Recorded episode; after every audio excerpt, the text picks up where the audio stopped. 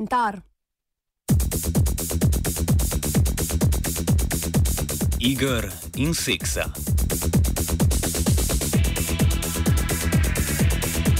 V tem tednu Svetovna zdravstvena organizacija zaseda na svojem 72. svetovnem zdravstvenem zboru. Med drugim bodo države glasovale o uradni potrditvi 11. revizije mednarodne klasifikacije bolezni oziroma ICD in jo najverjetneje potrdile. Ključni spremembi, ki jo ta prinaša, sta umestitev zasvojenosti s spolnostjo in računalniškimi igrami na seznam duševnih motenj. Če bo revizija potrjena, bodo države o novih dveh oblikah patologij začele zbirati statistične podatke, izvajati zdravljenja in podobno.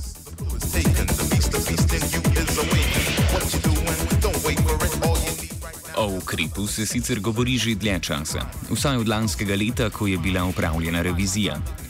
Njegovi nasprotniki so predvsem dvomili, ali je mogoče pri teh oblikah kompulzivnega vedenja res govoriti o zasvojenosti, primerljivi z zasvojenostjo z drogami ali alkoholom. Seveda samo velika pogostost igranja računalniških iger in seksanja še ne pomeni nujno zasvojenosti.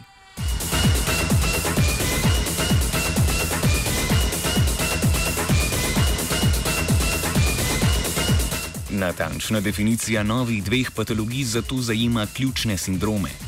O obeh zasvojenostih govorimo, ko posameznik zaradi njiju začne zanemarjati svoje zdravje, obveznosti in druge dejavnosti, ko obnašanje, ki ga ne more več nadzorovati, traja dlje časa in vpliva na posameznikovo zmožnost delovanja v šoli, na delu in s prijatelji ali družino. Skratka, ko so načete vse lastnosti klenega, odgovornega državljana oziroma predvsem delavca.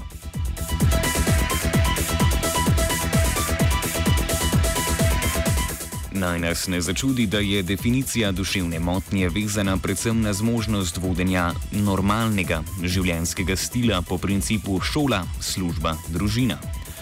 Patologija je pač vedno definirana v odnosu do normalnosti. Medtem ko je vzpostavljanje normalnosti in patološkosti skozi seksualnost že dve stoletji nazaj opisal Foucault, um, se upravičujem, že za dve stoletji nazaj opisal Foucault, ima tokratna definicija še nekatere specifike ali vsaj večje poudarke današnjega časa.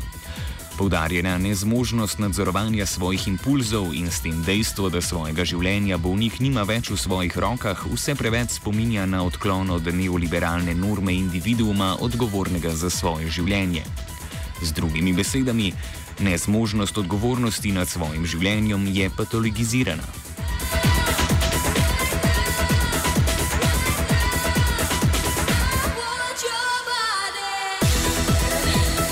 Tem ne mislim zmanjševati problemov novo definiranih odvisnikov. Nasprotno, gotovo se jih veliko svojo obsesijo počuti slabo, a saj biopolitika ravno praviloma deluje kot dobra in prijazna. Prej bi povdarila, da slabo počutje ali morda nestrokovno imenovano depresija, o kateri poročajo številni odvisniki od seksa ali iger, ne izhaja iz obsesivnega seksa ali iger samih temveč iz zavedanja o svoji nekoristnosti, neproduktivnosti, zavrženosti, torej iz moralnega občutka sramu in krivde. Ta pa je vselej zgodovinsko in družbeno pogojen.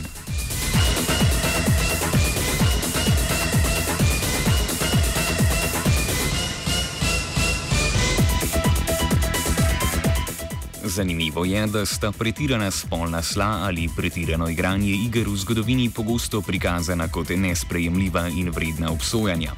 Pa vendar sta spremljajoči, disk sta spremljajoči diskurzi v njiju spreminjajo.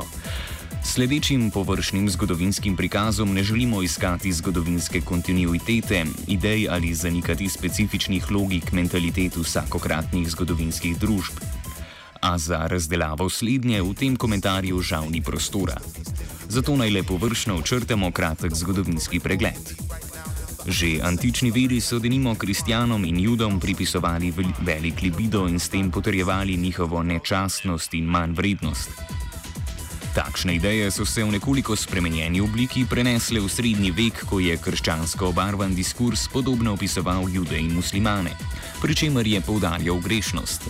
Obenem so bile nekatere igre, predvsem kvartanje, splošno sprejete za hudičevo delo.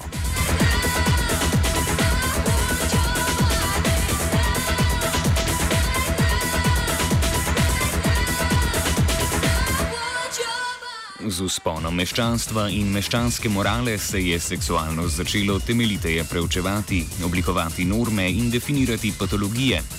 A pseudoznanstveni diskurs se je pogosto mešal z moralističnim. Obenem so meščani svoje želje premeščali v orientalistične predstave o haremih ali seksualni svobodi plemenitih divjakov. Zmožnost nadzorovanja svoje seksualnosti je postala predpogoj identitete liberalnega meščana.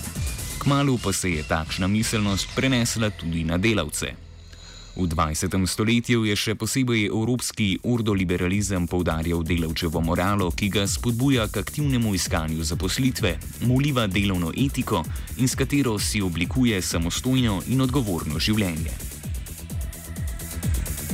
Medtem ko se je do sedaj na zasvojence s polnostjo in računalniškimi igrami gledalo deloma z vidika morale in vsaj deloma kot na žrtve socialnih okoliščin, kot so družinske težave, revščina, neperspektivnost in podobno, se z uvrstitvijo med duševne motnje takšen diskurs umika strogo medicinskemu, ki pa, kot smo poskušali pokazati, skozi svojo normativno definicijo ni nič manj podvržen logiki meščanske morale. Pri tem ne gre za osamljen primer.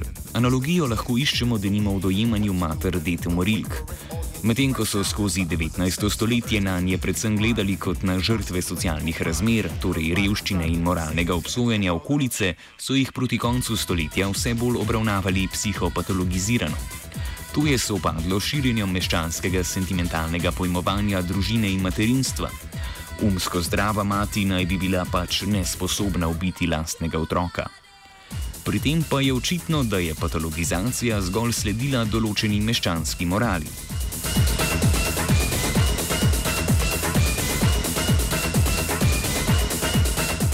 Pričujoči komentar naj sklenemo z besedami Fontrierjeve ninfomanke Žo, namenjene vodi skupine za pomoč spolnim odvisnicam.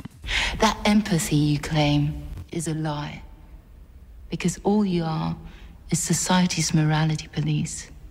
Whose duty is to erase my obscenity from the surface of the earth so that the bourgeoisie won't feel sick. Komentirala je Zala.